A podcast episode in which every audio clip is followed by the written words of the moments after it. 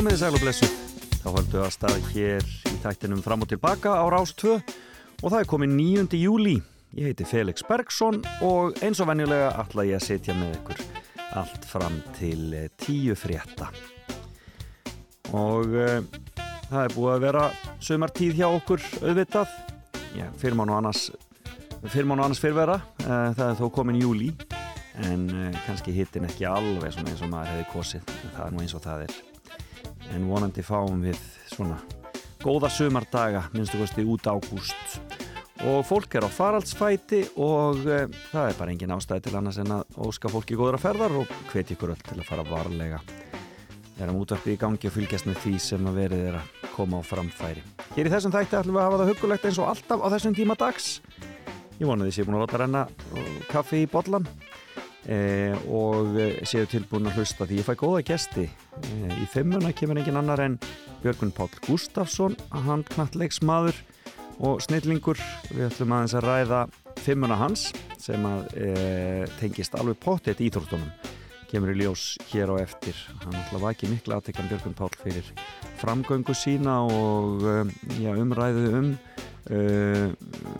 líf og tilveru já, þeirra jáðarsettu og svona ímislegt í sambandi við andleg og, og, og uh, andleg mál og, og fjölskyldumál og annað slíkt. Hann er, hann er frábær og það verður gott að fá hann hérna til okkar á eftir í ljúftspjall og svo ætla ég eftir nýju að uh, heyri eini Örnu Magnu Danks en hún held uh, frábæra ræðu á samstöðufundi sem haldin var nýri bæ um daginn með þeim sem að auðvitað fyrir skota ára sinni hræðulegu í Oslo og þar flutti Arna Ljóð sem ég langar til þess að uh, byggja hann að flytja fyrir okkur hér í þættinum á eftir.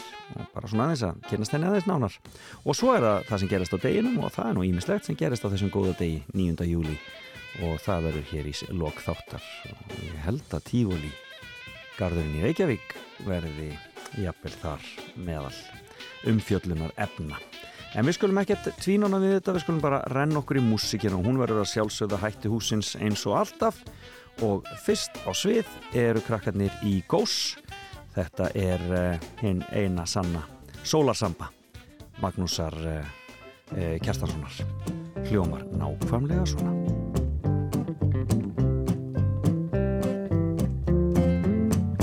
Halló, komið öll á fætur Öll á fætur Fínt er veðrið borginni þar sér í takt. Sjáuð hvernig lífið lætur. Það er lílegr en nokkur orð fá sagt. Þetta er algjör bongo blíða. Og básúnur og trommur hljóma þrumu vel í dag Frá hljómskálanum sömbutónar líða út í loft Þegar lúðra sveitin þeitir heitan brag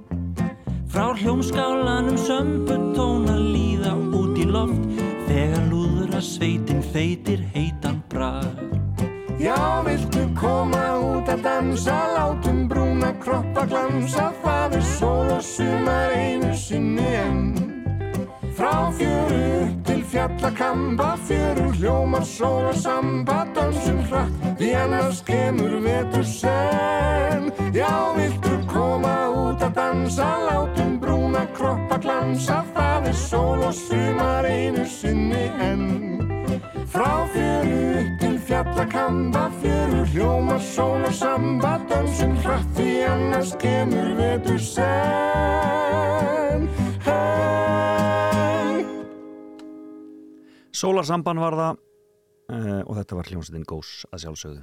Og ég er nú alltaf stoltur af því að hafa átt þátt í því að uh, já, þau uh, Siggi og Sigga fóru að kannski að svona beina sjónum sínum að gömlum íslenskun dagulugum því við fengum þau á sínum tíma við Margret Blöndal til að syngja lagið Eitt lag N í þætti sem við vorum með á í Hofi og Akureyri í svona beitni útsendingu á samt honum Hjörlefi Erni Jónssoni og hljómsveitinni hans. E, þessi þættir hittu gestir út um allt og þar söng, sungu þau e, Siggi og Sigga e, eitt lag enn stjórnarinnar og gerðu það sína, sin, á sinn máta og gerðu frábælega og áttu síðar eftir að gefa það út þannig undir gós heitinu og var það ansi vinsalt gaman að því, þau gera þetta frábælega vel.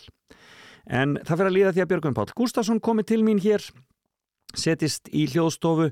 En áður en það gerist þá skulum við heyra eitt lag. Og uh, ég er að hugsa um að leif ykkur að heyra nýtt lag með klaufum því frábæra country bandi þetta er uh, lag eftir Fridrik Sturluson. Uh, þessi eina sanna og lagið hljómar bara nákvæmlega svona, svo byrjuð við Björgum Pál að spjalla. Eins og blóm sem vex á svöldum samtíð sífell glæðir vonum betri tíð. Eins og sól sem skín á bakvið skín þú skinjar er hún álgast heit og blíð. Það er ljúft að lifa sem í draumi. Að þú leifir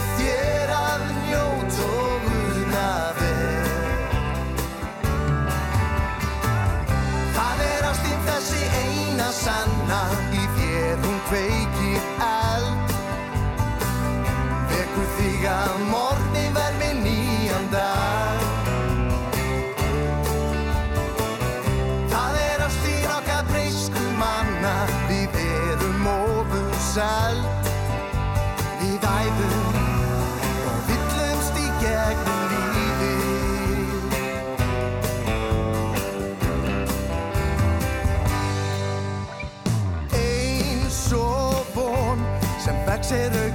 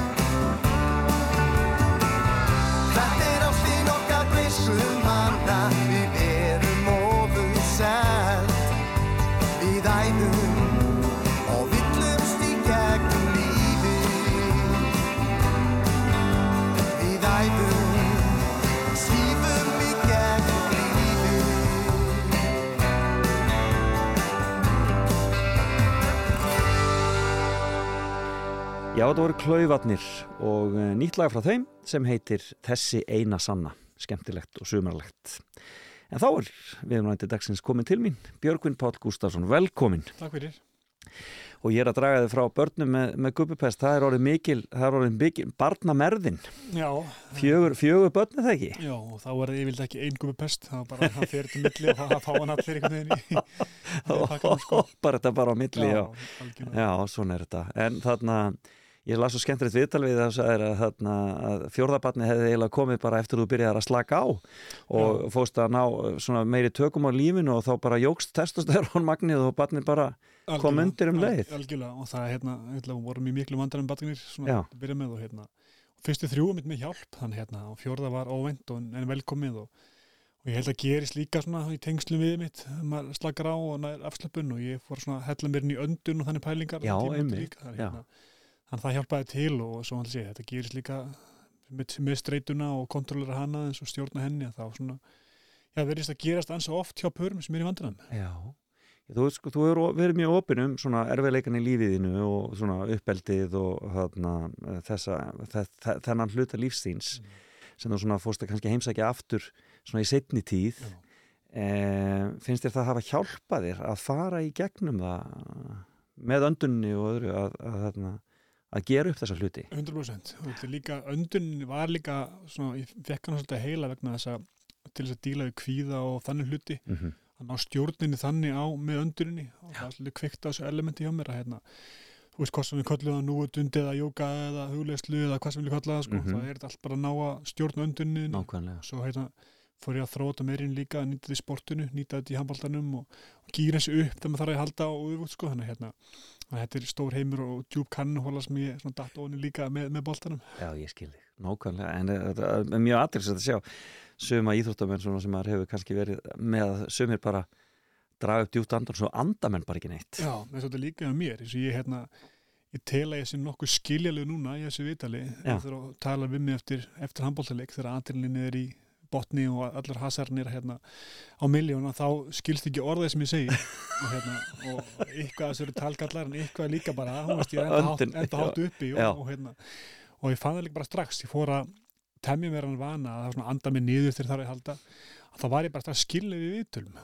Og þessi beint eftir leik, þá bara fór ég hérna í leiðinu viðtal, þá bara náði ég stjórna þess og þá hérna náði ég þess að Þá varstu skiljanlegur. vera skilniður og svo gætt svona kúplum aðeins inn í hérna, já, gýrin að fara að tala í viðtölum. Alltaf stórkosluðu sketsin að sagara eldi sem hann gerir grína samtali handbóltamanna í miðjum leik það er alveg hrikalega fyndið. Já, og bera saman með landa líka, það er hérna, með spánverðnir eða þjóðverðnir eða við, þetta eru tveir ólíkir, margir ólíkir þjóðflokkar sem þegar að koma mikrofónunir yfir og enginn skilur orða því sem það fer frá það er mjög fyndið. Heyrðu en, þú ert með fimmu hand okkur. Já, og hún tengist íþróttunum. Tengist íðrjóttunum og, hérna, og það eru svona fimm lið sem ég mun langa tala um sem ég spila með og, og hérna og svolítið öðrum vinkli kannski. Já. og, hérna, og er náttúrulega maður er spilað fjölda liða og, og, verið í aðdurumerskjambólta og líka síðan og búin í landsliðinu í tæp 20 ár sem að hljóma kannski ekkit sérstaklega svona fyrir mig sem að tel mig vera það unga og nefnilegan nákvæmlega, akkurat. Hérna- 20 ári og hérna spilað með fyrsta landslið 2003 og svona og langast til að gera fólk ekki bara grein fyrir líka að hérna, íþróttir eru svolítið svona ja, íþróttir eru ekki bara bolti og leikur eða hérna, þetta er líka smá alvar í þessu og það snýst ekki bara um já, leikin eða peningana eða hvað sem þetta er þetta er svo, þetta er svo víkt og breytt eftir hvað þú startu hverju sinni, hvort sem er hérna heima eða erlendi sem er landsliðinu, þá er þetta svona ólíkt koncept mikið samfélag, íþróttalið eru samfélag. Algjörlega og svo er þetta svo ólíkt milli liða og milli fyrir landa og milli, sést, hvort sem er landslið eða félagslið, þetta er allt sem er rosalega já, svolítið ólíkt og, og langar svona að krifja það líka í tengslu við þessi lið mín, hvaða fimmið lið þetta eru, þá þarf ég að skilja vel að liðum eftir þannig hérna Ah, það er bara svo leiðis, hvað er fyrsta? Vilt fyrsta er bara uppbyldisklubburinn minn sem er HK það er já, HK í Kópavogi já. alveg í Kópavogi og hérna og já, allstar í Kópavoginu flutti mikið og þekki Kópavoginu inn og út og, og elstar upp og, og hérna og það er svona, fyrst fattar maður hvað í þetta skipta miklu máli og svona klúpar og samfélögum mitt og hérna hvað ertu gamall þegar þú byrjar að æfa handbóltar? þú, þú uppgötar hann ekki fyrir svolítið svolítið já, seint ég eða byrjaði, ég byrjaði fyrst alveg átt ára bara mjög snemma, ok, en svo er henni veljið mjög seint á milli handbólta, fótbólta, körubólta Já. þannig ég er svolítið að flakka milli hérna og, og mitt, kannski svona hvað þetta félag verið mikilvæg í að ég var að dreina fætur oft á mörgum sinnum, ég hætti handbóltan okkur sinnum bara skapofsa og vissinni og, og svona, en var alltaf að dreina fætur aftur og aftur og hérna, og það sé maður hvernig samfélagi virka líka inn á svona klúpa að þeir, menn hafa vit fyrir manni og tilbúin að að hérna hjálpa menni þó með sé ungur og vittlus og leðlur krakki. Já, þó sétt erfiður að þeir Já. eru tilbúin að skilja og sjá í þér möguleikana Algjörlega, það er ekkit allstar sem er svo leiðis og skólakefri kannski er aðeins þingar hvað þetta varðar, það er kannar skilning á, börnunum og hérna þannig hérna, það er uppöldskluburum minn og, og svona típist ég að svona ég ólst upp í þessum, þessum klubbi og, og svona típist að fylgi því líka ég er henni menn segja að þeir hafi verið alltaf í rítdósinu frá úst, mótnandi kvölds en á tímbúlið tímbilið þá er ég flutt í rítdósi bókstaflega. Það var bara svo leiðis Já, og hérna, það var svona stúdíu íbúð sem að félagið átti þegar ég, já, mamma var að missa íbúðinu sína og var að fara á land eh, að vinna. Og þá þurfti ég annað að fara með henni eða, og þá slutið skilja við handbóltan eða bara flytja einn inn og þannig tók klúpur minnslega að sér og, og, Og hvað ertu gamall á þeim tíma? já, ég er 16 ára Og bara býrð í íþórtóksinu Já, bara stúdíu íbúð sem er bara, veist, það er bara einu hurða milli og það er komin inn í, inn í sal, sko. En þá ertu náttúrulega komin í markið Já. og farin að spila í rauninni meistarflokki þá á þessum tíma, 16 Já, ára eða Já, hvað? Þá svona byrja ég að æfa með þeim og, og komin svona í kringum úlingalandsliðin og Já, og svona fara að taka eftir manni og svona orðin svona spennandi svona uh, efnilegur og skemmtileg leikmað sem getur orðið eitthvað en, en ansi erfiður viðregnar af mörgu, mörguleiti já, akkurat en bjóst þarna Já. Og það er, en, en uh, þú ert í háká hvað, alveg fram til tvítus eða hvað Já, ég fyrir eitt, eitt ára sem krakki í Viking vegna að ég bjó hérna í nágrunni við e, Fossvegin Einmitt. tím, tím, tímbúti en, hérna, annars var ég bara í hákáðurinni ólstar upp og, og hérna og já og Er það svo framnæst eða hvað? Nei, svo er henni, svo er henni, er ég reikin og háká, svona einu gæsilapa, það er svona,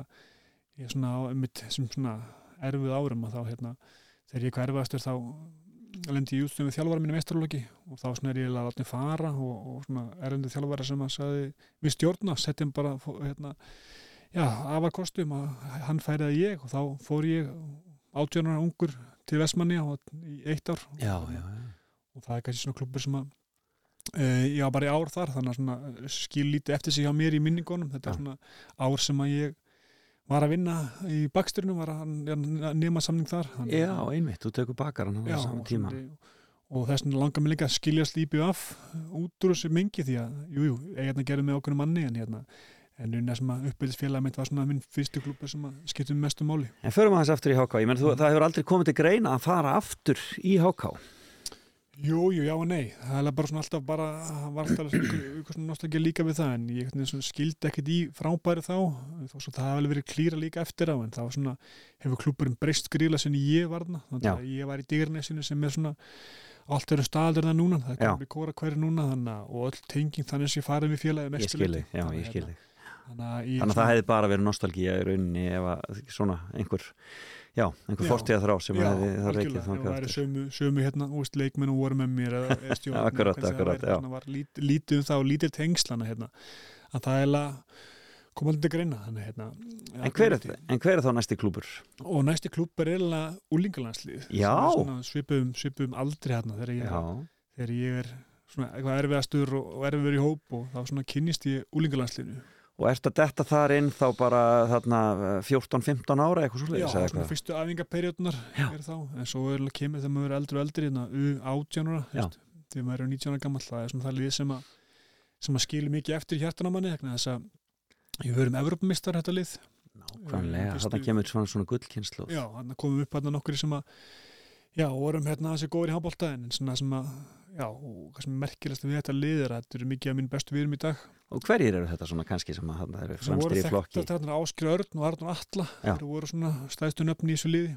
Og svo voru Einar Ingi og Kári Kristján sem er línumæliðsin sem eru mínir, já, mínum betri vinum í dag og, hérna og svo er Jóhann Gunnar Einarsson sem er inni, já, staðist tengingi við þetta lið vegna þess að það er svona já, það er hérna bróðir konna minnar. Já, og þannig tengist í konu minn líka og kynist henni fyrst skipti í gegnum úlinglandslið en skemmtilegt. Hérna, og einmitt í úlinglandsverkefni sem að ég hérna, fer heim til hans í heimsókn þar sem hún er ekki heima og hann hérna og, og svona fyrir myndir upp á veggafinni þannig hérna, þannig, þannig koma þær tengingar og þess vegna er þetta mikilvægt lið fyrir mér líka því þetta er mínir bestu vinnir í dag og, og hérna svona Og tengjast í fjölskylduböndum er þessi líka já, algjörlega En örðu þið, ef- hún var semst þín unglinga ást og þið, þið byrjuðu saman hann á þessum tíma Já. og hafið bara verið saman síðan Við eitthvað? saman síðan, að ég var, var átjónana Já. hérna. Róaði hún þig?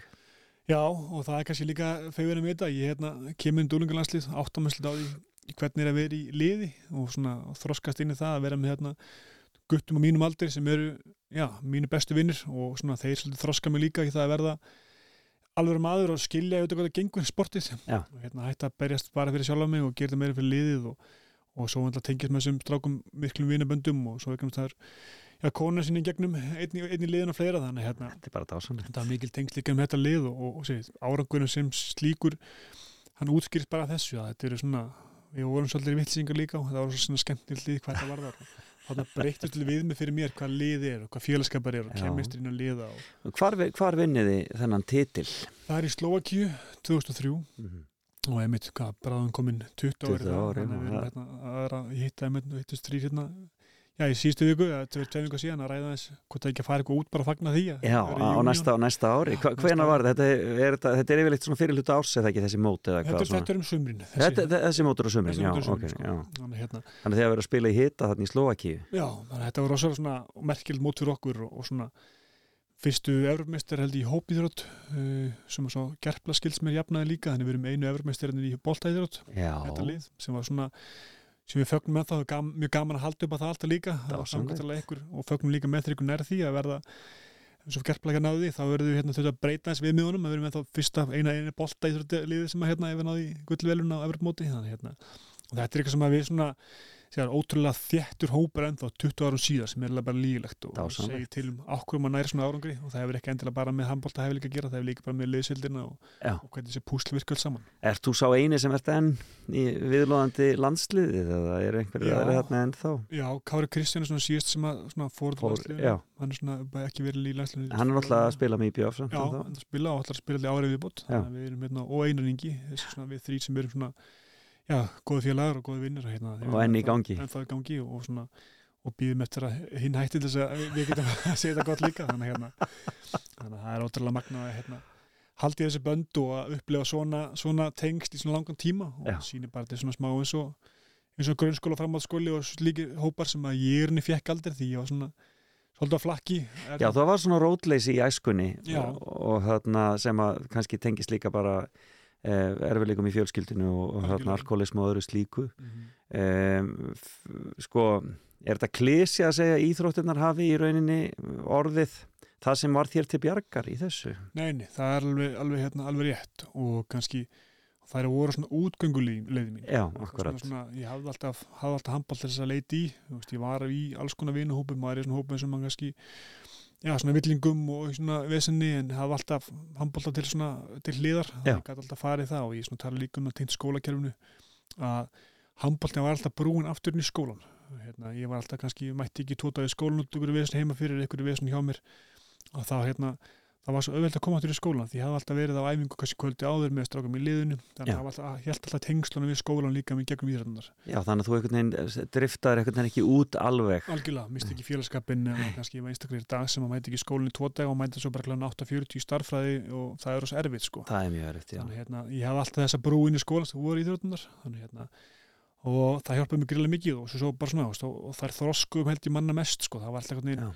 og var þessi lið sem að kynntist, þessi gauðir sem að kynntist og fyrirmyndina sem voru kannski ekki bara eldri heldur gauðin í liðinu líka og það var svona lærið með hvernig var þetta að haga sér það kom mun setna hjá mér heldur mörgum öðrum og, og það er alls konar já, hvað sem þessi uppeldatriði eða, eða Já. anti-hátígreiningina hvað sem það er það Já. er alltaf eitthvað sem að sem að, já, að, er allir einhvern veginn út af einhverju En, en hvernig gekk þér í skóla? Gastu lært þá í skóla? Ég Já. meina, gastu lært á bókina? Já, það gekk veist, þegar ég nefndi því sko Já. og það var svolítið, og, hérna, en ég gat, gata þegar ég vildi það það var svolítið þrjóska og mótrá en, en komst í gegnum samarduprófin á skekkalan hátt sem var svona sigur, fyrir mig líka og eina sem skipti máli fyrir mig þá og svona náði að redda mig svona í kringum nýjöndabekkin þá snýri blæðin svolítið við þannig að, hérna, og ég var einmitt með fyrirlestrannu síðasta vetur inn í nýjöndabekk því það var svona minn megitt og blegitt aldur ég, hérna, ég snúa blæðina svið þannig að það byrja aðeins að að snúa blæðina við það sem að gera verkum að ég náða að komast ekki inn í skólan Finnst þið krakkarnir tengja þegar hérna, gama, Algjörlega. gamall kall kemur til að segja því Algjörlega hvernig ennþá, mér finnst ég ennþá vera relevant þess vil ég ennþá vera inn í skólanum því að ég er ennþá í er Já, svona, akkurat, já, já, nákvæmlega. vegna svona,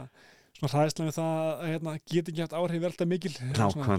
Mann eins og Þorgur með þráan sem er ennþá að hafa stórkostlega áhrifinu skólakerun og, og að hlusta allir kakkarnar á hann þannig að hérna, það er alltaf, alltaf gaman að sjá það líka að, að, hérna, að þá maður verða aðeins eldri þá hérna, er ennþá hlusta á manni með maður að tala af einlegni og, hérna, og, og, trúa fólk kakkarnar sem maður er að segja. Já, og þau tengja líka við það. Algjörlega og þau, þau, þau skilja hvað þú ert að tala um. Algjörlega og það er líka og ég, á eiginskinni Ég er líka, mínir, mínir fyrir að vera þann veg líka, að ég, þetta er ekki típist kannski, þetta er svolítið svona að ég er að segja mínu sögu og ég er að opna gríðlega mikið Já. og þá næ ég strax svona til þeirra. Já. og það er helst allir sem er að díla við eitthvað og, og það sem ég opna mitt og hvernig ég díla við það og komast út af þeim hlutunum og svo blæðir aðeins um öndun og bæti svona öðru hverju svona vopn minni þetta allt saman. Og þá svona held ég ná að skilja eitthvað aðeins eftir líka það til þess að svona veita þeim áfram eitthvað svona smá vopn inn í, inn í líf og inn í skólan Nákvæmlega. Þriðja liðið, uh, þau eru farin í atvinnumennskuna þá? Já, þriðalið er nefnilega bara svona aturmennskunni heilsinni Já, Ég, ætla, ég var í 11 ára erlendis og spilaði með já, í þremur löndum þannig hérna, mér langast að taka bara svona þriða lið sem aturmennskuna Já. og því þarna komið bara inn í runni allt annan heim og það er kannski að meira spennandi við að, að bera þetta saman því að aturmennskan er bara mjög harður heimur og hefur lítið með sumu gildin að gera og við erum búin að tala um hinga til sko. en hvað er best af þessum liðum? Svona, sem að þú svona, hefur hlýjastar tilfinningar Það til bestu liðin, ég, hef, ég spilaði alltaf með Magdeburg sem Já. er mjög stórt lið í dag, það er þýskaldsmestrar, ég Já. spilaði þar en kannski svona uppáhalds tíminn minn það var í Schaffhausen í Sviss það var svona Já, lið sem við unnum allt og hérna, svona, mjög skoða minninga hvað það var þar hérna. það gekk rosalega vel og það var rosalega gott veður og ég og kona vorum ein og ballus og svona svolítið vittlus líka og Já. það var svolítið tíma fyrir okkur líka og það er svona okkur uppáhalds ár Hva, hvaða, hvaða ár er þetta sem þú ert þar? Þetta eru 2010 og til 2012 held ég Já, sem eru þarna í Sviss. Já, Hvar í Sviss? við erum í Schaffhausen heitir það. Já, þetta heitir Schaffhausen, Já, er já. bara, þetta er bara, það, Þetta það er Schaffhausen til lið og Schaffhausen er bærin hann er 30 minnur frá Þískalandi er, ok, 30 minnur frá, eða kortefar Þískalandi og 30 minnur frá Súri þannig hérna, það var svona staðir sem að þú veist kannski Já. erfitt að vera í Sviss með fjöguböld þannig að hérna, við svona, hvað kostar allar? Hérna, og, já, og, og, svona, akkurat og við gátum lift okkur þar aðeins líka Þannig áttu þið smá pening og gáttu svona haft það hugulegt og bara sem okkur tvö þannig að það er svona það skilur mikið eftir fyrir okkur, okkur hjónin hérna hvað þetta varðar að njóta lífsins aðeins aðra en börnin svo komu. Já, hva, hvað heiti konaðinn? Hún er Karin hún er Karin Einarsdóttir. Já, og hún, og hún var, en var hún þá að uh, í einhverju námi eitthvað slíkt hann úti eða bara var Já, hún bara hún er einu sko fór út uh, bara úr skólanum og, og tók svolítið bara eldi mig fyrst og svo fór hún í félagsráðgjöf Já. er alltaf fjarnámi og, og hún með master í starfs- og námsráðgjöf sem hún klára eftir að koma heim. Ok, þannig að hún svona já, henni dreymir það að hjálpa pjökkum og mér held ég. Hérna þetta heilan og byrjaði að hjálpa mér bara eins og hún gerði án, án, Já. án okkur mentunar á sínum tíma. nákvæmlega, byrjaði að því bara tveim og hálfur yngar en ég þegar við hittist fyrst sko, þannig hérna.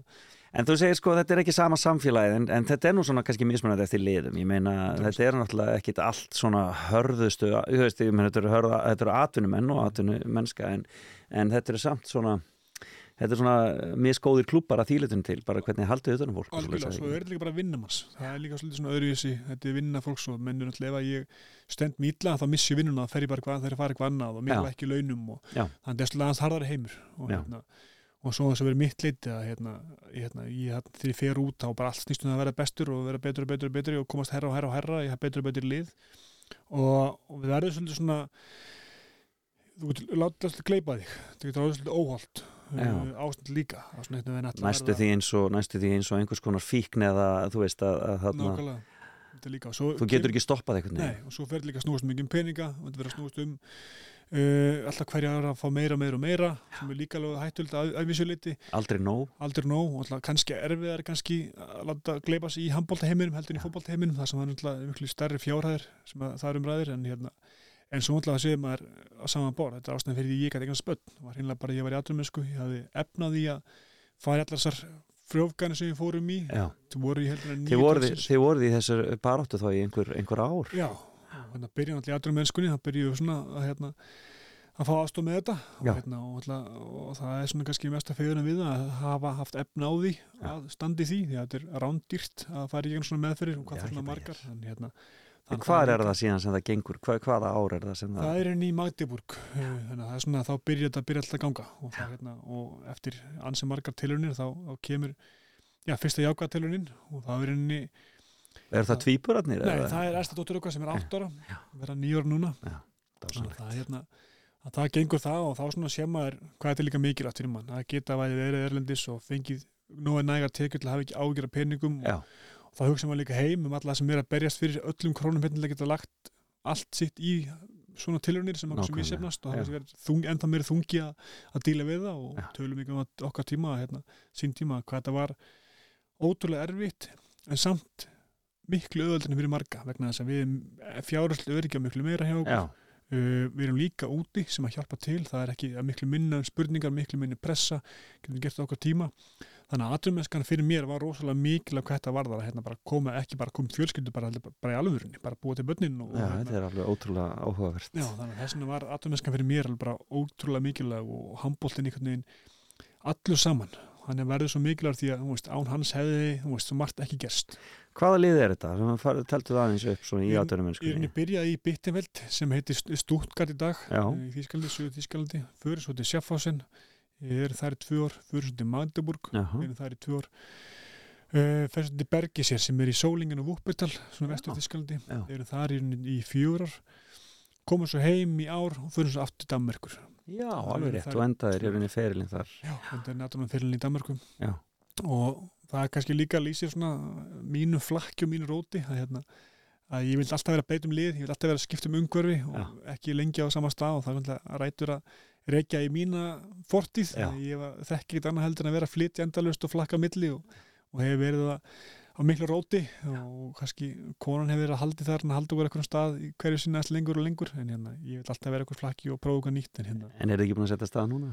Jú, og við komum hérna heim og hættum í aðrunni sko út af börnunum. Já. Við komum í, ég vil ekki mitt, við komum með fjögur börn og, og viljum eiginlega ekki vera að bjóða börnunum upp á það. að það Það er, verði í þessu flakki vera og milli landa og milli skóla og, og það er hansi flókið og bara átt ára stelpan okkar, hún er búin að vera í leikskóla í þreymur lundum Já. og, skóla í tveimur þannig að það sögðu stopp og, og þess vegna að spila restina. Talar hún þá þýskuna og dönskuna og allt saman eins og ekkert sé Heyra, hún tala dönskuna þá, Já. hún er ekki með þýskuna og þurfum að fara að rifja það allt upp sem upp, þannig að fætna allir þýskaldi, það er gaman að fara að rifja það allt sem upp bara á leðin hérna, en hún er með dönskuna þá og fær að horfa á, fær að horfa danast á YouTube, það er Frábært svona heldur því við þannig og, og mikið Það er skemmt efni dásamlegt. þar, þannig að það er rosalega gaman að halda því við þannig, þannig, Já. Þannig að hún er, og svo er það magnað við það, hvernig maður getur einmitt gleymt, við vorum að skólaleginu myndi bara síðast í fyrradag í símanum, svona gamlar, gamlar hérna, komul vídeo af henni að tala þýsku Já. og hún að spyrja hvað hann er að segja það svo- Já, þá kannum það ekki lengur sjálf skilur ekki sjálfa sig sko það var grilla hvernig heilin virkar sko Það er dásanlegt. Þeir við skulum taka okkur smá pásu árum við heyrum af uh, setni liðunum tveimur uh, og við skulum hlusta á Jetborg 2. Þetta er uh, lag sem við notar til þess að koma þér í stefningu fyrir leiki. Day by day, I don't know, I don't know what to do. But I'll try, but I'll try just for you.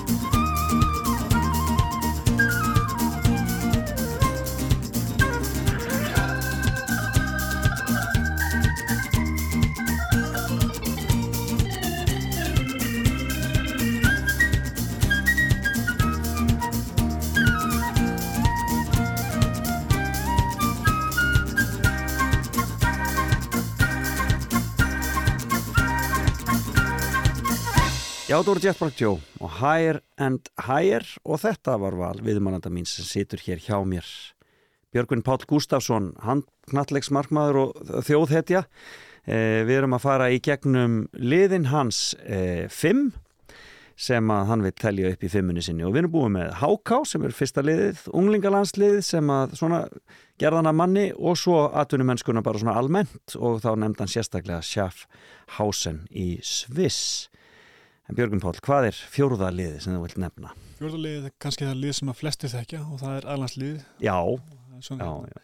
kannski betni, betni beita af hinnu þá, hérna, þá var það eitthvað eitthva, hérna, eitthvað sem að flestir þekkja vel til og, hérna, og nú rættu á þann að hérna, eins manns döður annars brauð þegar kemur að hérna, aturmennskunni og þeim heimöllum en, en það var ekki við landslinu það er eitthvað, það er gilda allt önnur gildi heldur en að svona landsliðið og En þið eru er þið í miklum samskipti, ég meina þið eru kannski að koma saman tvisvar, þrísvar á ári í mestalagi, en þá stundum í svolítið langa tíma. En eru þið í sambandi svona þess á milli? Er, eru þið með, með, með WhatsApp-grúpu eða Facebook-hóp eða eitthvað Já, slíkt? við erum með WhatsApp-grúpur og, og Já. það er rosalega mikið tengsla milli þetta eru við flestir- Sækið þið ráð hver hjá öðrum? Eru þið svona að hafa Já, já. samband og... Svo er þetta sér, svona úr þessu úlíkalandsliðu mínu, það voru alltaf þrjir fjóri sem voru saman og svo spilaði maður með öðrum í deildinni heima hérna eða í liðunum heima og Já. það er rosa mikið tengsl fyrir og svo alltaf þegar maður spila kannski í búndinslíkunni sem flesti spila á sínum tíma þegar ég var þar og þá er þetta að spila móti, þú veist já, öðru hverju líka, þannig að rosa mikið tengsla milli en þetta svo líka voru þetta landsverkefni sem að veist, er á sumrinu og svo lókuverknum með hittast og konunar hittast svo eru stórmótur rosalega löng þau eru alveg heil mánuður í heildina og þá eru konunar kannski að koma út líka á stórmótum, það eru að hittast þannig að Mm þetta er miklu, miklu meira miklu meira tengi heldur fólk gerir sér grein fyrir og, hérna, og En getur ekki orðið erfitt þá þegar menn mm, kannski ná ekki vel saman eða svona, jafnvel, er ekki, er ekki vinir? Jú, jú, það getur verið það, en það er bara er furðulegt frá að segja hvað það er lítið um það og Já. það sé einmitt líka þegar þú ert komin á þetta level þú ert komin á hæsta leveli sem er bara allanslið að þá ertu yfirleitt, hvað maður að segja Þú, þú, þú ferð- ferð yfir þetta, þú ferð yfir þessa baráttu. Já, þú kemst einhvern veginn á það stað og ertu orðin landsmann í handbólta þá ertu einhvern veginn tikkar eins og mörgboks Já. það er líka bara að vera góð manneskja og góð náungi og, og það er svo erfitt að finna einhverja halvvita í þessum hópi það er svona, þú kemst ekki það hátt held ég í að- já, í svona já, íþjóttastegunum að verða bara, kannski svona of mikið egoisti að verður alltaf einhvern veginn að funkur í hóp og, og tala ekki um handbólta það er svona hóp í þrótt að hérna, þá kemst svona hátt þá eru miklu líkur að því að sér bara þú veist, topp náungi, topp manneskja og tilbúin að vinna með allt og öllum og held að og sérstaklega kannski ekstrím hjá okkur Íslingunum að við erum svo nátengdir og við erum svo svo líka það sést líka á stórmótum í handbólta það er einhvern veginn alltaf í matnum og alltaf í öllum fundum og það er einhvern veginn aðeins, aðeins skemmtilega aðeins þéttari stemmingin hjá okkur Íslingunum heldur en mörgum öðrum liðum Heldur en mörgum öðrum já, sko. þjóðflokkarnir eru ólíkir og, og kannski menn líka koma úr meiri fjarlægð þú veist, það eru veist, ég þekki allir landsliðinu áður en ég áður ég mæti í landslið Akkúrat, já. þannig að kannski menn kannski koma frá Fraklandi úr, úr allt um heimsálun næstu í sko, Já. að hérna, að hittast þannig að þetta er svona þetta er er ein stór, nálegð sko, ein stór fjölskylda bara 100% algjörlega. og þarna, hvernig, hvernig er, eru, eru verkefni núna sem að eru framöndan? Já, alltaf að dreigja rila bara við nokkur dögum síðan fara núna í, í Svíþjóðar og, og hérna, næsta stórmót, Svíþjóð og Pólandi næsta stórmót í januar þannig hérna, að vera að drægja rila og mæta Já. það liðin sem við mæt, oft mætt á þeim sem eru Portugal og, og Ungurland og svo Söðu Kóra þannig hérna, það er það er HM næst þannig hérna. Það er hörku, það verður hörkur yfir Já, maður einmitt, maður, svona, það þyrmdi yfir mann þegar maður sá þessi tvö komið úr Já, lið sem upp úr hattinum. Já, leið sem við spilum við bara fyrir nokkur, nokkrum mánuðum síðan og, og varum í hörkurum með það og, og, meina, hérna, þetta er búið að vera rosalega Portugals tími núna, Við- Já. það er ekkert nefn Portugal alltaf í öllu þetta er, og, og þeir eru orðnir allt, og góðir allt í Já, einu, já. ég veit ekki hvað gerðist þar eiginlega svona er þetta. Já, þannig að það verður, það verður hörku.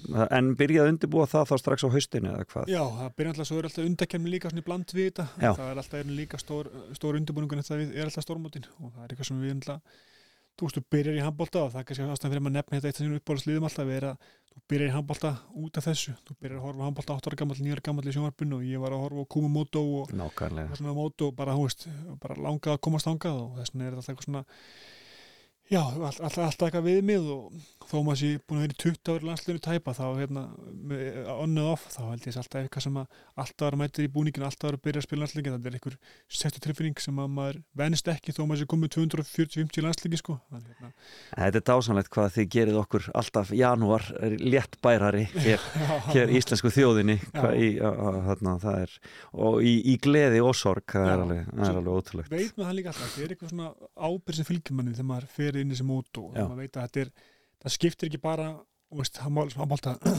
hérna leikur, þetta er líka miklu miklu stærra. Það er einhvern veginn dýmt og það er þungt á Íslandi. Þetta er janúar og jólum voru búin og áramótin, þetta er þungum mánu Eurovision ekki byrjað. Júra ekki byrja, þetta kemur alltaf maður, meðvendur um þetta saman, því að maður var alltaf sjálfur í þessum, þessum pakka áður en vera fyrir landslið sko, Akkurat, hérna. akkurat. Þannig að maður gerir sér greið fyrir þeirri, þeirri ábyrð sem þið fylgir að vera í landstæðnastíma og svo vera landslmaður yfir höfuð. Það er mikil ábyrð sem fylgir því að, hérna, að vera, vera að þessum, þessum, þessum Þannig að hvað hva heldur þú er mikið eftir í landsliðinu?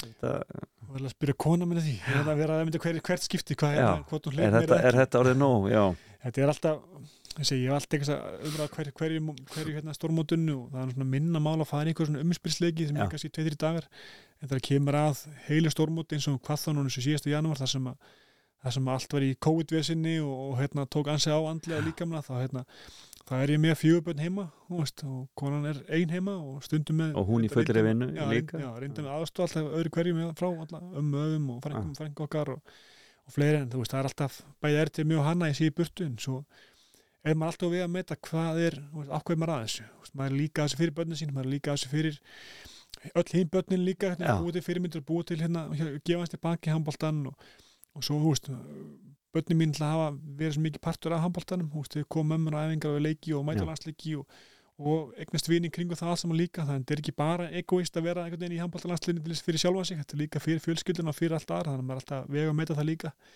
En svo þegar maður er orðin, þú veist, eldri og eldri og, og maður er að missa mánuð af miklan tíma barnana, alltaf erum núna með tvíbara og eina hérna, eina sem er nýjára og eina einsást þannig hérna, þetta er svo mikilvæg tími sem maður er alltaf að missa en hérna, maður er alltaf við að mata hver, hver skipti en, en síðast uh, lág ákvörðin í því að ég tristi, ég tristi hérna konu minni frekar er einn ánum minn heldur en landslinn ánum mín. Þannig Já, að það var svona- við baka núna. En það líka, það kom líka ljós. Það kom en líka þarna, en þarna e, já, það, þið mér skustu unnuð mjög vel saman markverðinir í því að, að, að halda okkur inn í því móti, það Já. var vel gert hjá okkur. Og svo var það líka fyrir við það svo kom Viktor Gísli svo frábúlega bara svo móti. Og það var svona einhvern veginn kom fyrsta sko. barnamanns einhvern veginn. Já, Það akkurat, algjörlega. Þá einhvern veginn, þegar maður sér hann koma svona og verða svona stóran og svona mikinn og, og þroskast svona mikið stund tíma að þá líka er maður svona tilbúin að stíga til hliðirlega Nákvæmlega, það er líka svona ég smá svona, ég segi, ég hérna ég horfði á hann, á hann blessaða frakkaleg sem er besti lesling sem eru spilaðar í Íslands hönd bara hérna. Mhm. í langa tíma, horfði á hann í sjónvarpinu sem er og leikur, herbyggi sko, já. hérna alveg bara og,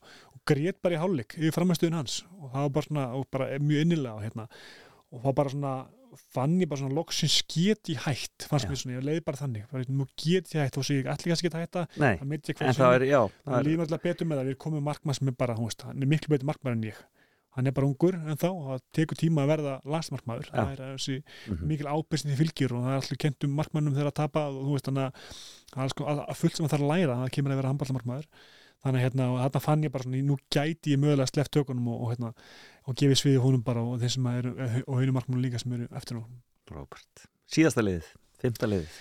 Það er bara nýjasta liðið mitt. Það er Valur. Sem er valur. Já, þú ert, er þú ert bara komið þar til að vera. Já, og það er svona, ég er nefnilega svolítið að segja loka hringnum þar, svona, þegar kemur að líka þessi byrja að tala um aðan uppeldisklubin og nú er ég komin að stað, ég er með fjögur börn og ég þarf að finna þeim svona félag líka á sama stað og Búið í hlíðunum eða hvað? Nei, það? búum í gerðunum í 108 Ok, og hérna ennþá en, hérna, og, og erum minn bara húsið okkar er já, á sölu og það er, bara, það er, það er selt og við erum í svona ferli líka að einmitt að fara að færa ykkur í 102 ok. Þannig að við erum hérna búin að kaupa þar og við erum að vona að það gangi allt eftir. Það er alls konar fyrirvarar og vesina slíku, slíku vesina. Já. mér, óra ekki fyrir hvað getur tekið langa tíma.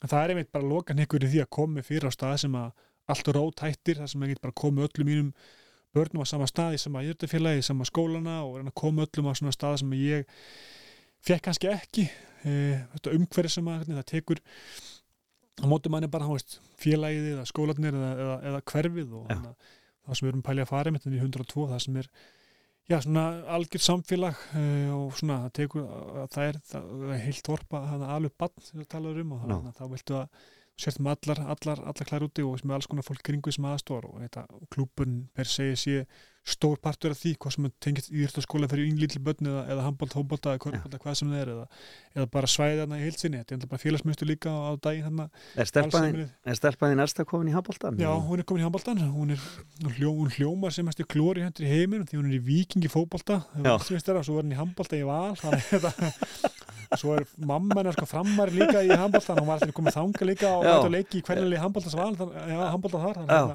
hún er alla Já, þetta er, fleiki- flókið. Þannig að hérna, en hún er rosa mikið valsara líka og, og hérna, ég var farin að keira hann eða, hjóla með henni í valseimili bara daginn svo getur við boltas að gera kvennilegin þar í já, þannig að hún vil vera helst bara vera þar og vill bara vera í vinni sjoppinni og, en skemmtilegt. og svona að það er líka stór partur að því við viljum færa eitthvað þangað, það er bara svona henni líður gríðlega vel þar og, og, og börnunum okkar hinn líka þegar þeir koma aðna og, og búa til svona okkar samfélag líka og svona við viljum bara festa okkur í og ég held að flutningar e, já, slík, slík ákvörðin, hún sýnir það að við okkur alvarlega með það og, veist, ég er hann að gera, ég er hann einfalda límit eins og ég get. Og hérna, komin á komin á rafhjól með hérna, öll börnin aftar í og ég get komið öllum meðli staða bara á hjólinu og Það snildin einn hann- sko. Já, þannig ég var búin að vera núna síðustu þrjá fjóra daga að kenna áttalöfum minna á strætó og við erum að vera í strætó bara meira og minna til þess að átt okkur öllum leiðum þannig að hún fatti hvernig það virkar, hann getur komið sem meira staða. Þannig ég er hérna einfalda líf mitt í muna til þess að gera hana elstu núna að vera alltaf hana og, og svo, svo kemur hinn hinnum líka þegar týpundur eru svona aðeins en þau tvö eru svona, hafa okkur alltaf hvort annað þannig að Já. auðveldur að færa það milli staða akkurat núna að svo kemur því líka, þau þurfa að fara að vilja að æfa sín sport og þannig að þetta er allt svona Þegar þú varst, varst 15 ára, sástu fyrir þér að lífið þitt er þið svona?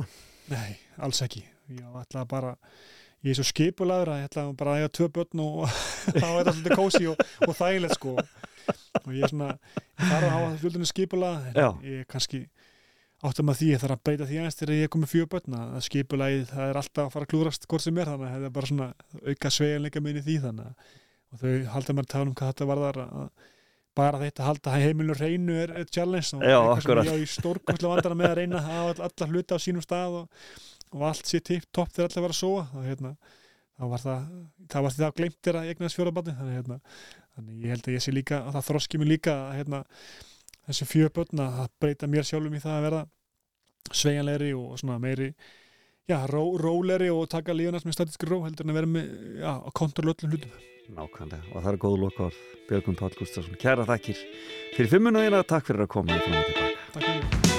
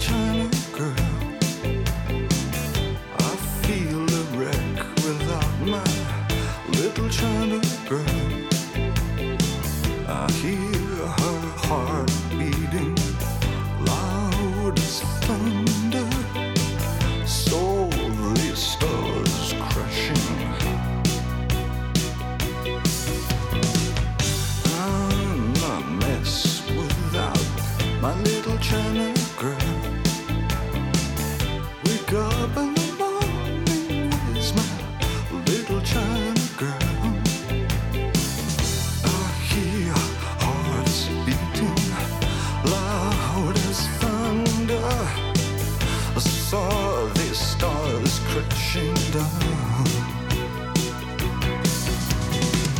I feel tragic like I'm Marlon Brando When I look at my China girl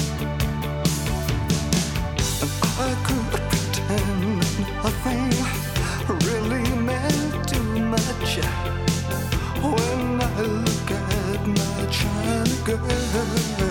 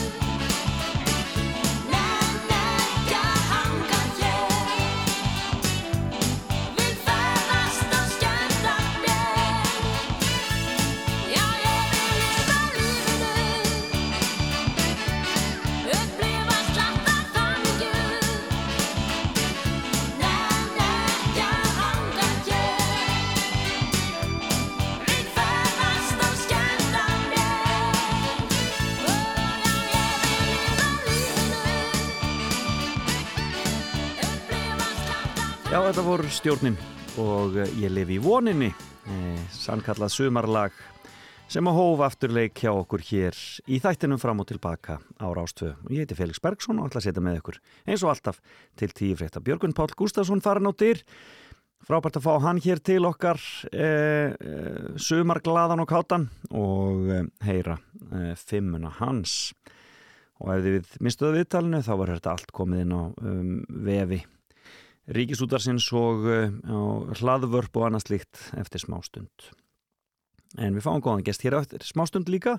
E, það er hún e, Arna Magnia Danks sem ætlar að koma hérna til mín og aðeins að ræða e, um samstöðufundin mikla sem haldin var á Östurvelli þar sem hún helt frábæra ræðu og hluti ljóð sem ég ætla að platana til að fara hér með fyrir okkur á eftir og svona bara segja okkur aðeins af lífan og tilverunni. En hún hefur verið mjög framalega í baróttu transfólks á Íslandi og er öflug talskona þar á ferðinni. Og síðan ég aðeins að kíkja á það sem gerist á deginum. En svo ég líka bara að spila skemmtilega tónlist og eigum ekki bara að fara í næst í að uh, dyrka sólarorkuna miklu Solar Power hér er Lordi. I hate the winter. Can't stand the cold I tend to cancel all the plans But when the heat comes Something takes a hold Can I kick it? Yeah, I can My cheeks in high color, overripe peaches. No shirt, no shoes, only my features. My boy behind me, he's taking pictures. Boys and girls onto the beaches. Come on, come on, tell you my secrets. I'm kinda like a prettier Jesus. Forget all of the tears that you've cried, it's over.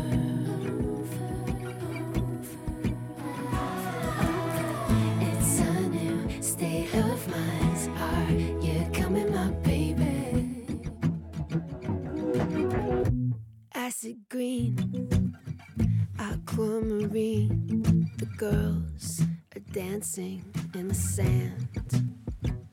And I throw my cellular device in the water.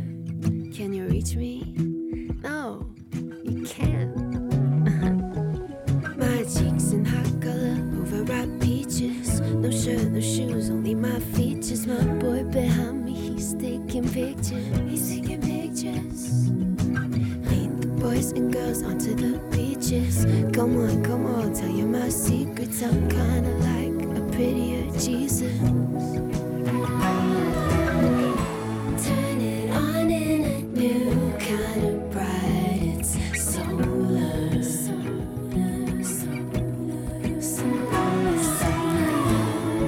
Come on and let the bliss begin. Three times when you feel it kicking in. That's Beint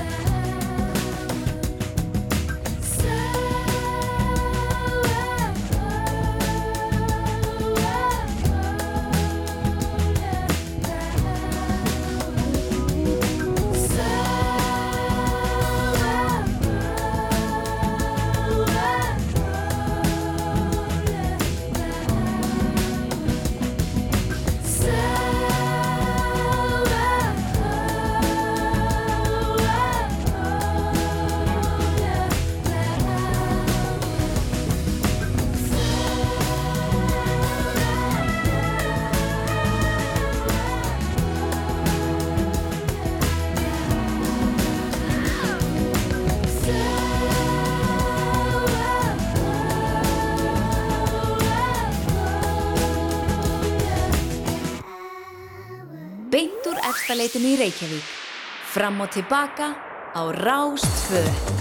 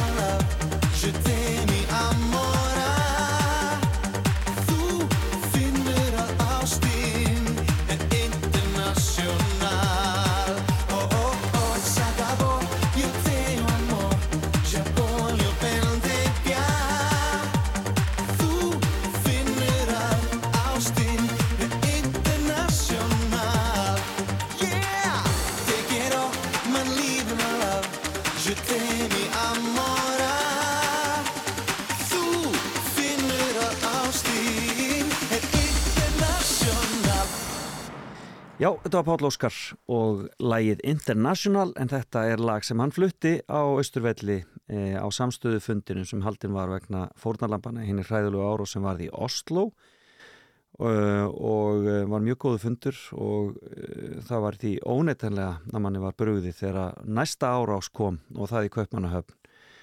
Þannig að við skulum vona að þetta sé nú ekki eitthvað sem við eigum eftir að þurfa að venjast. En önnur manneskja sem var þarna fundinum er Arna Magnea Danks sem að flutti þar frábært ávarp og ljóð fyrir fundin og hún er komin hérna til mér, verður velkomin Já, Arna. takk hérlega.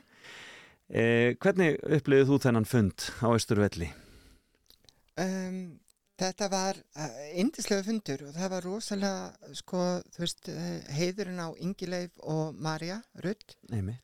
og þær eru svona uh, sprautan á bakvið þetta og þær eru rosalega döglegar að, að sapna raunni fólki í kringu sig í gegnum hins einleikan og þetta var bara uh, svo fallegt vegna þess að þetta var þverskurður af hins einn samfélaginu. Já, þú sást hvað við erum raunni fjölbreyttur og og flókin hópur og, og, og eins og Þorbjörg fyrirverandi formaða samtækana kom inn á að þá er, uh, erum við ekki alltaf sammála en við erum samt svo samhend í að að láta kannski væntu þykina gagvart hvort öðru og gagvart samfélagin okkur ráða för. Já, og það sást svo vel á þessu fundi veist, þetta var bara þetta var bara einn stór ástarsprengja.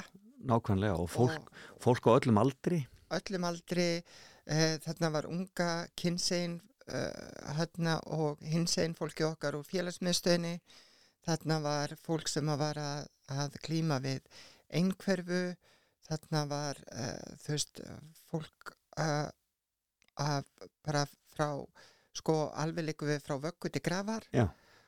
og þarna var fullt af fólki sem að hefur uh, gefið okkur í gegnum árin uh, sem var svo mikilvægt að- að sjá og finna stöðningin Já. Um, fólk sem að við sumhver höfum alist upp við og byrjum endalins að verðingu fyrir eins og uh, Margrét Pálu Já. og hérna þannig að að kannski á þessum fundi sem að við erum ekki búin að upplifa kannski langa tíma og var svo nöðsilegt að þá fann maður að við erum öll saman í þessu Já, hins einn samfélagi kom saman Já. og, og stu- stutti stutti hvert annað.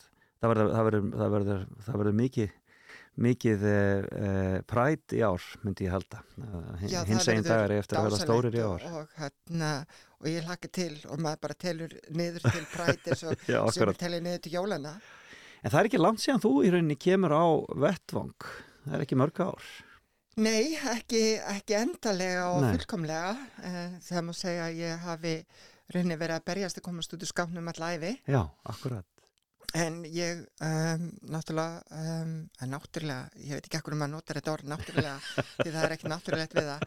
Uh, en hann ég uh, er fætt 1970 og, og átti ekki mikið svona baklandi eða stuðning uh, við það að vera öðruvísi. Ég hólst upp við það að fá að vita það að ég var í skrítinu öðruvísi. Og hérna en ég vissi ekki hvernig. Mhm. ég hafði ekki orðaforðan, ég hafði ekki upplýsinganar Mhm. Og hérna um, mínum skringilegheit uh, og kannski kvenleika var náttúrulega þetta var bara lesið sem að ég væri þá hommi. Já, og það var alveg nógu slemt í þessu umhverfi sem ég ólst upp við þú veist, maður vekka að heyra það að, að maður veri á leið til helvítis og, og þá átti að berju manni homman og, og þú veist. Hvar ólst upp á landinu? ég ólst upp uh, að hluti til í Reykjavík Já. og Kópói og hérna og í Sengirði var sett í fóstur til hérna uh, sem sett uh, afa bræðra minna og konu annars þeirra. Já, já, já. Sem var virkilega uh, þú veist gott fólk en því miður þá uh, fór maður síðan alltaf kannski heim í í, í hérna já, þar sem ástöði var ekki eins gott. Mm uh, og hérna þar sem átti að laga mann á einn eða, eða annan hátt. Þannig að þú í rauninni bara tekur ákvörðun að lifa þá bara lífið þínu sem kallmaður uh, nei, nei, Nei, sko um, ég var alltaf hrunni að uh, berjast við þetta Já. en síðan er það að ég hérna má segja að, að uh, ég lendi því þegar ég er 11 ára gömul að vera 12 ára og það er ráðist af mig áttastrákar þar sem að ég verð fyrir hópnöðgun Já. ég ætla ekki að fara út í smáatri bara og verfið Já. en hérna eftir þetta þá hvað ég að læra að vera strákur. Já. og ég fór að stúdira hvað það þýtti að vera strákur. Og þar var ég raunni í fyrsta skiptu æfinni svona methodleikari mm og hérna fór bara hlutverkið að veist uh, reyna að gera varirna mínar þinnri, gera, minka augun mín, uh, þykist hafa áhuga á alls konar hlutum sem ég hef engan áhuga á, veist, um, ég þóli til dæmis ekki, þú veist, ég er algjör kuldaskræfa, mér verður kalt bara þegar það er spáköldu veðri, en uh, ég kerði móturhjóli í 30 ár í alls konar veðri, fór síðan um hringin í kringum landið. Og alls konar svona, þú veist, að rembast við að fela kvenleikan á baku kallmennskuna. einmitt Veiga Gretas lísti þessu einmitt mjög fyrir mér þegar hún kom hérna til Já. mín þetta að fara í, í, í játsmíðina og blikksmíðina og þetta Já, allt saman sem, sem, að, þarna, sem að svo margar gerðu margar transkonur í rauninni Já, rauninni, sko, þú veist, það var bara, rauninni um, var þetta bara svona aðferð til þess að lifa af. Já. En leiklistin, þú, þú ferðin í leiklistina Já, ég fer til Breitlands uh, 97 Já, og læri uh, leiklist við East 15 hérna leiklistaskólan já, í London og er með bíða í leiklist þaðan. Og þar rauninni kem ég fyrst út sem tvíkinegð Já. og er svona þú veist að aukvita hvað ég er og og notaði náttúrulega hvert einasta tækifæri sem ég gati þess að tröða mér þú veist í, í, í ykkur drottningaföld og hérna þar var mér að segja þú veist um, uh, íslenska hérna konusfjölskyldan kom í heimsotna einhverjum titildögum. Já, við vorum sko þrjú uh, sem vorum að læra leiklist á saman tíma. Uh, Jón Páll Eyjálsson og, Sigurður Eyberg Jóhannesson og Palli var konungurinn og, og hérna Siggi leg drottninguna með skegg. Já, og ég náttúrulega var prinsessan. Nema hvað, nema hvað. og hérna Þannig að það hefur verið, það hefur verið uh, góðu tími eða hvað? já, já. Og hérna uh, en þú veist leiklistaskóla út í Breitlandi þú veist, við vorum 44 sem komist inn. Uh, af tvöðsmanna hópi Já. og vorum samt ekki nema 30 sem það út, útskrifast. Af því að það var alltaf, þú veist, ef, að, ef þú varst ekki standaði þá gastu átt vona því að vera fært niður um ár eða vera, þú veist, uh, ekki beðin um að halda ámfram Mm þannig að, að þetta var líka þannig að maður var alltaf á tánum og alltaf þú veist að drepast við eitthvað skona ofsuna brjálaði þú veist, er ég nógu góð, er ég nógu góð? Já. og hérna þannig að, að það var líka þú veist Stressandi leyti, tími líka, já. um, stöðlaði að því að maður var ekki tilbúin að koma alveg fullkomlega út ég skil þig, að því maður var, þú veist, að ágjör að maður fengi ekki hlutverk og, og þú veist eh, vini mínir sem að voru samkynneðir þeir töluðu um það að þeir fengi ekki hlutverk að þeir varu of gay Já. og, og jafnvel hlutverk sem væru fyrir þú veist uh, hérna sem voru skrifuð um, fyrir samkynneða þá voru samt streit leikarar sem voru að fá þessi hlutverk og allir rósaðum hvað þau voru hurakir fyrir að leika hérna samkynneða einstaklinga akkurat. og meðan voru samkynneði leikar hefur ekki fá neitt að gera því þau voru of samkynneðir Þetta er þetta er bara fáralegt. En hvenær verður, en hvenær kemur Arna Magniða loks bara fram á sjónasviðið? um, fyrst kem ég út 2003 Já, ok. í Breitlandi sem, sem Maggie Danks. Og, og röklast inn í skápinrunni aftur 2005 aftur eftir uh, eftir að uh, hann lendi í nöðgun Já. og lauruglan vildi ekki eins og niður hlusta mig að, að taka mig trúilega því ég hefði bara beðið um þetta því ég var í transkona. Og, og ég kem til Íslands og það er bara sagt að ég sé bara hérna þunglind og sé með eitthvað ránkumindir og það bara delti mig bara þunglislefjum mm Svo ég röklast inn í skápin og, og séðan á ég vona á elsta stráknu mínu 2005 og þá hugsa ég svo fáralegt hvernig maður hugsar en þá hugsa ég ok, þú veist ég á vona batni þannig að nú verð ég bara þú veist, nú verð ég bara að tróða þessu aftur inn í skápin og vera hann og hérna og ég fæ bara að fæðast rétt í næsta lífi. Já, það var bara svo leis. en síðan bara, þú veist, gafst ég upp að býða eftir næsta lífi. Og eignaðist, en eignaðist þrjú, þrjú börn þarna í Já, mittiltíðinni. síðan hérna átti ég tvo aðra stráka uh, hérna af setna sambandi og var gift. Og var indislegt samband og við erum mjög góðir samstasaðilar í batnauppliti í dag. Já. og strákan okkar kalla okkur uh, mömmu og örnumömmu Já, og það gengur rosalega vel gott að heyra. uh, um, En þetta verður mikil barátta. Þetta var mikil barátt á rauninni var það ekki fyrir en 2018 þegar ég var komin á endastöð og ætlaði bara að lenda í slisi og var búin að skipulegja og ganga frá erðaskrá og öllum hnútum og hann sem að veist að, að ég hafði þetta val og rauninni eina val Mm að vera annarkvort ég sjálf uh, og vera þá eins góð mamma og ég gæti verið fyrir strákunum mína eða bara lendi í slisi og þeir ættu þá minningum þennan pappa, Þannig pappa, já. þennan geðsaleppa Já, akkurat. En sem betur fer, þá ertu hér Já, og uh, hefur aldeilis hérna gert það gott út kennar er það ekki? Jú, ég er hérna starfað aðalstarfi sem grunnskólakennari.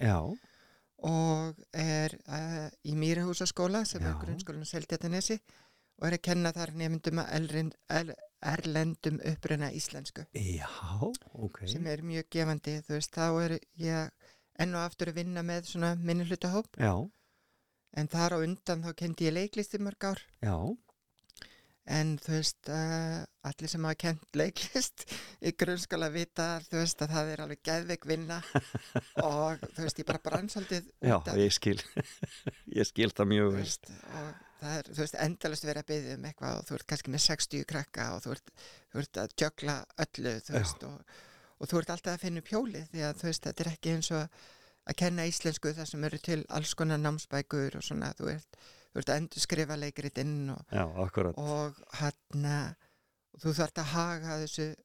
Það er ekki þannig að þú finnur leikrit og finnur síðan kasti sem henda leikritinu.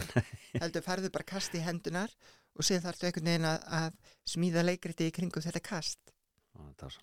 En, það er, en, en, en þið líður vel í þessu starfi Já. e, á nesinu já, já, en þú ert líka að skrifa ljóð og þannig kannski svona það sem ég langaði svona til þess að klikja út með hérna, ljóðið sem þú last fyrir okkur á Ísturvelli já, ég hef svona verið það var kannski, þú veist um, eins og vinnu minn Bjarni Snabjutsson hann skrifaði dagbækur. Uh, kannski að því ég var alltaf að fela um, stelpuna Já. sem var inn í mér það byrjaði ég mjög snemma að skrifa alls konar ljóð. Já. ljóðum um konur sem komu skrýðat upp úr hafinu öskrandi og alls konar Já, í þeim dúr. Og hérna þannig að ljóðin svona örðu kannski mínar dagbætu, dagbækur og mitt haldreipi í genn tíðina. Nákvæmlega. og, um, og ég hef oft, þú veist, og þetta kemur bara til mín ofta tíðum þannig að, að ég segi svona, þú veist að ég sé meira svona bullshit artist heldur en nokkuð annað En ég vil endilega heyra ljóðið við skulum uh, klikja út með því Já, þetta ljóð tilenga ég bara öllum sískinu mínum í hins einn samfélaginu og ég kalla það regnbóaböld. Við erum öðruvísi og allskonar, endalust í baróttu við heiminn, föst í dansi vonleysis og vonar, viljastörk, hugrök og dreyminn. Glitrandi í glimmer felu við tárin, gleðin er hátið missi og sorgar. Í falinni fegur því gegnum árin, á flótta undan hatri, heteróborgar. En þrátt fyrir ískalt regnið við rísum, regnbóbörn saminuð sem eitt, því ástina í hjartanu við hísum, af heiðaleika sem enginn fær breytt. Arna Magniða, dans, kæra þakkir fyrir komin í fram og tilbaka Já, bara takk hella fyrir mig.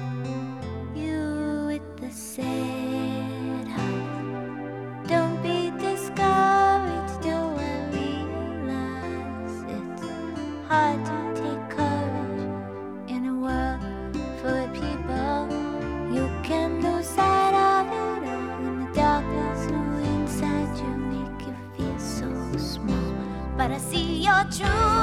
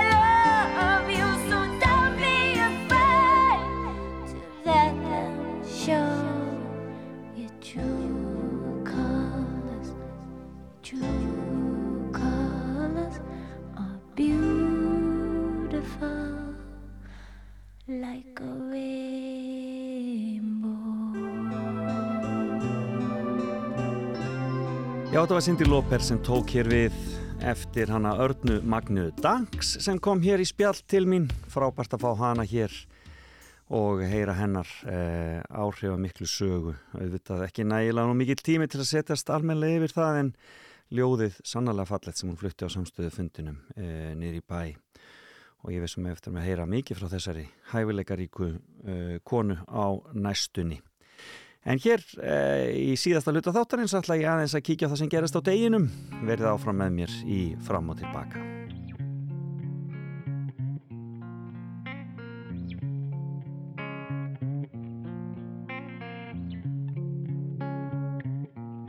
There must be lights burning bright there somewhere. Got to be birds flying higher in the sky, more blue. If I can dream of a better land where all my brothers walk hand in hand, tell me why, oh why, oh why can't my dreams come true?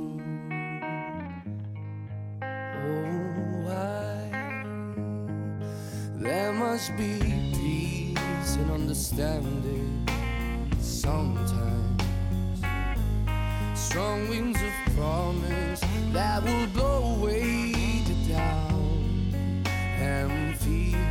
If I can dream of a warmer sun where hope keeps shining on everyone, tell me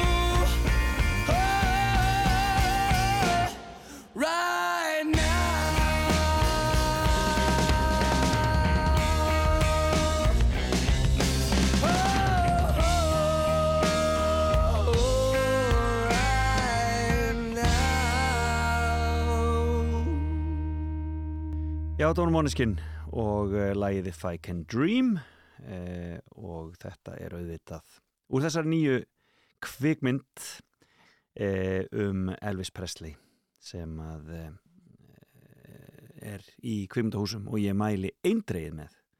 Algjörlega frábær uh, ræma. Eh, ekki hægt annað en að eh, mæla með því en um, eigum við ekki bara að fara að kíkja á það sem gerist á deginum? Er ekki komið að því? Og við skulum bara byrja hér. Þar brosti vorið með terur í trjánum Svífum garðinn, veiga og jón Með munnin fullan af hundasúrum Veltu vöngum skellt í gól Við syldum höfinn í hljóðlátum draumi Líftum glösum í París og Róm. Þú varst Janne og ég var Tarsan Að kvöldi dags var kingjan tón Í vetragarðin þeir lögðu arðin er sumarið var fyrir bí.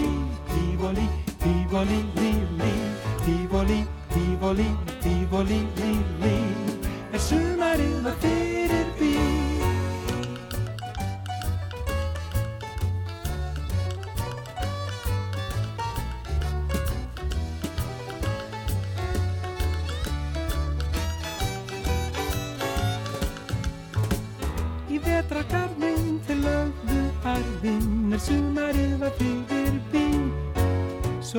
liðu árin þeir lokuðu daginn, sett upp skilti í gunnar og geir. Keftu drasli og seltu drasli,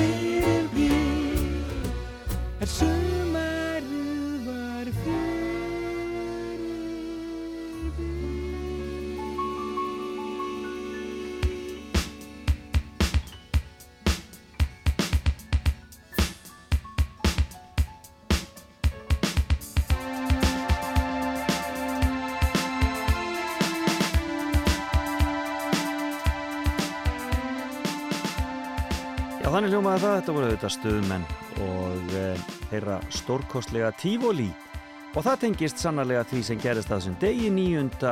júli því tífóligarðurinn e, í Reykjavík hann var opnaður í Reykjavík þennan dag 1946 og þetta er náttúrulega alveg stórmerkilegt fyrirbrið þessi tífóligarður, tífólið í Vassmýrinni e, sem að var e, meðal annars, þar sem var meðal annars bílabraut, ringekja, parisarhjól og danspallur. Og tífælisvæðin var byggður skáli sem var notað til skemmtanahalds og veitingarekstur og var nefndur vetrargarðurinn.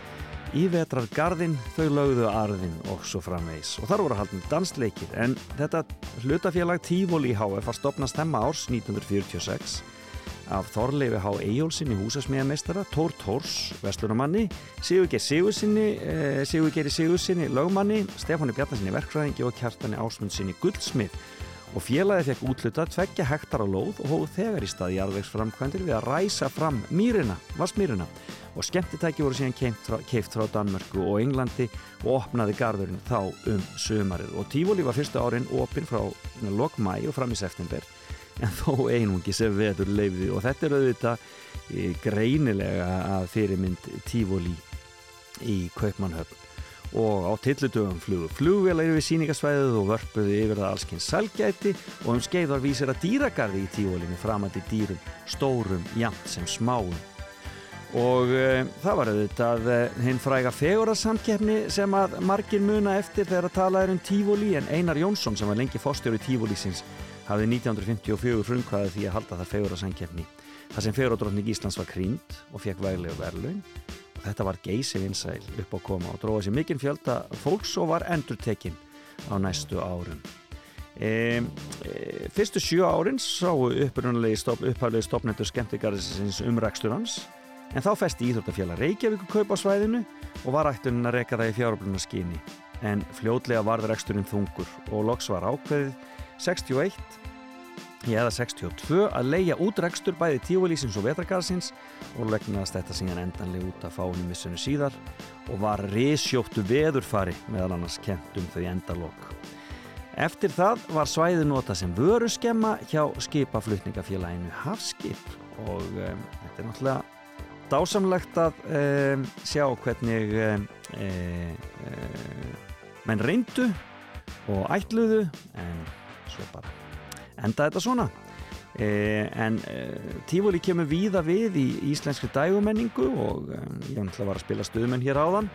E, og lögin að sjálfsögðu sk sk geima skýrskotanir til Tífólís Tífóli og ég er nú á því að þetta sé nú einn besta íslenska e, dægulega platan bara frá upphafi.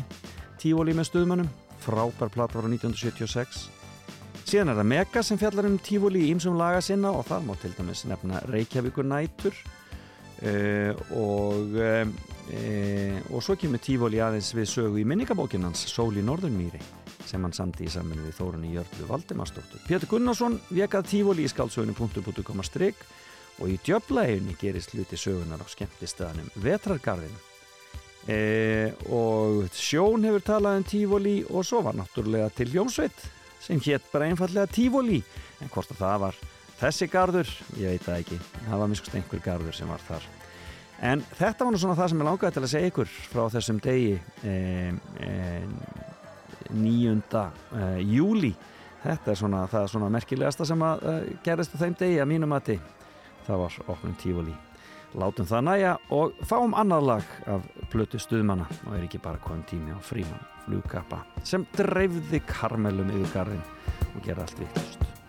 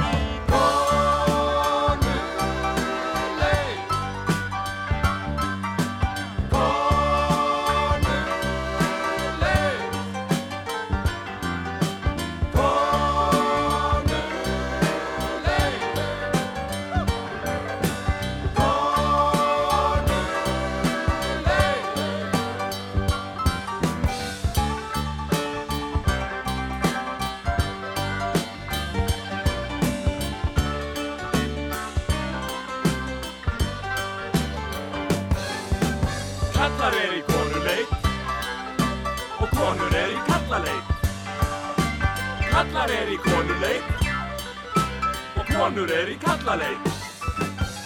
Kallar er í konuleit og konur er í kallaleit. Kallar er í konuleit og konur er í kallaleit. Fram og tilbaka. Ljúfur laugadagsmorgun á Rástvöð.